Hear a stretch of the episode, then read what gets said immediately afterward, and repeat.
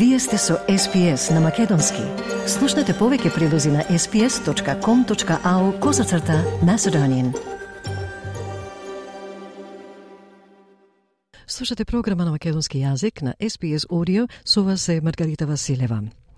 Застапниците барат интервенција во услови на недостиг на персонал во индустријата за грижа за деца – Воспитувачите за образование на рана возраст на деца ги напуштаат своите работни места, што ги става семејствата во состојба да мора да го сносат најголемиот товар, како што се вели во извештајот на Омо Бело за SPS News. Се вели дека индустријата за згрижување на деца е во криза, а семејствата го чувствуваат тој притисок. Додека Австралија продолжува да се бори со недостигот на наставници или воспитувачи, новиот извештај на Обединетиот синдикат на работници покажува колку ниските плати и недоволниот број на вработени лица влијаат врз функционирањето на секторот. Студијата опфати повеќе од 1000 центри за рано учење низ целата земја, истражувајќи ја големината на влијанието врз работната сила. Хелен Гибенс, директорка за рано образование во Обединетиот синдикат на работници, вели дека воспитувачите се повредени и дека тоа директно влијае врз децата. Гибенс вели откриено е дека огромен број центри, речиси две третини, рекоа дека благосостојбата или безбедноста на децата е под влијание на недостигот на персонал. Исто така, околу 80% од центрите не може да пристапат до семејствата кои не може да пристапат до деновите што им се потребни. Што значи дека децата понекогаш не се во најдобра средина за учење поради недостигот и поради тоа семејствата не можат да ја добијат грижата што им е потребна. Pretty damning results. We found that uh, an enormous amount of centers, nearly two-thirds said that the well-being or safety of children has been impacted by the staff shortages. And we also found that about 80% of centres uh, can't access, the families can't access the days that they need. So what we're seeing is that children uh, are not in the best learning environment sometimes because of the shortages. And we're also seeing that families can't get the sort of care that they need because of the shortages.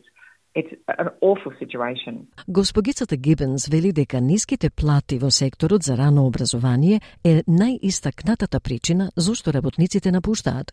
Таа верува дека зголемувањето на платите ќе помогне да се стабилизира индустријата. Се повеќе луѓе заминуваат, вели Гибенс, и колку повеќе луѓе заминуваат, толку е потешко за оние воспитувачи кои остануваат во секторот.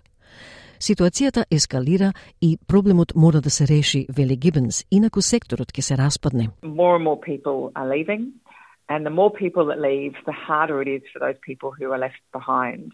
And this isn't just about how that's awful for early educators. What we found in our survey was that that's also pretty awful for children and families. It's a situation that can't go on. It's escalating, and we have to fix the problem Otherwise, this sector is going to fall apart. Джесика Рад, главен извршен директор на групата за застапување, вели дека родителите исто така се на удар од сериозноста на кризата, бидејќи тоа значи дека многумина не можат да работат.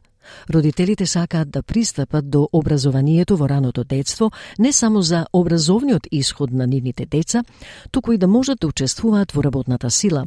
Ова е криза на трошоците за живот, вели Рад, и родителите треба да можат да одат на работа и да знаат дека нивните деца се згрижени. Parents are desperate to access early childhood education and care for their children. They want this not only for educational outcomes for their kids, they also just need to be able to participate in the workforce. This is a cost of living crisis, and parents need to be able to go to work and know that their children are being taken care of. Според Министерството за образование, над 90% од работниците за згрижување деца се жени. Австралиското биро за статистика вели дека грижата за децата останува најголемата пречка за учеството на жените во работната сила. Незиниот последен извештај покажува дека имало 2,8 милиони луѓе во 2020 до 2021 година кои не работеле со полно работно време. 1,7 милиони луѓе кои или сакале работа или работеле со скратено работно време и 1,1 милион луѓе кои сакале да го зголемат своето работно време и еден од седум не бил достапен за работа или да работи повеќе часови во период од 4 недели, а околу две третини од нив се жени. Председателката на Австралискиот совет на родители Джени Бранч Ален вели родителите, особено жените, пријавиле нарушување во нивниот секојдневен живот. We are hearing from our parents that they are having trouble accessing childcare uh, for their children, especially those trying to re-enter the, the workforce. Um, the struggle of being on waiting lists, um, not being able to get times that suit uh, their working hours – is becoming a, uh, a problem across Australia. Владата на Ентони Албанезе издаде фонд од 72,4 милиони долари за зајакнување на работната сила за образование во раното детство, од кој корист имаат повеќе од 80.000 воспитувачи во регионалните и оддалечените служби и организациите на првите нации. Но подпредседателот на Австралиската алијанса за грижа за деца, Ниша Хатчинсон, вели треба да се направи повеќе за да се спасат семејствата и индустријата. Семејствата, вели Хачинсен, плаќаат многу и последниот дел од таа загадка е федералната влада да се согласи да го финансира зголемувањето на платите. Families are paying a lot. If we increase wages, fees will increase and we need the government to step up and address that so that it's not out of pocket for families. We're working with the unions to negotiate a good outcome. And the, the final part of that puzzle is the federal government coming to the table and agreeing to fund the wage rises. And we're really um, looking forward to the process and, and have a lot of faith that uh, it's going to bring a good outcome Министерката за финанси и женски прашања Кейти Галага вели дека владата презема чекори за да ја направи Австралија поеднаква во однос на полот и економијата. We are genuinely trying to shift the dial here, looking at how we can use the money we have available to really drive some of the change we need to see across the economy. I mean, it just doesn't make sense to have 50% of our population not working and contrib- you know contributing into the economy in ways that they want to.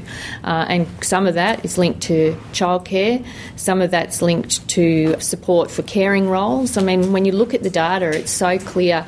You know, 70% of the part-time workforce in this country are women. SBS. SBS. SBS. SBS. SBS. SBS Radio. Сакате ли да чуете повеќе прилози како овој? Слушате подкаст преку Apple Podcasts, Google Podcasts, Spotify или од каде и да ги добивате вашите подкасти.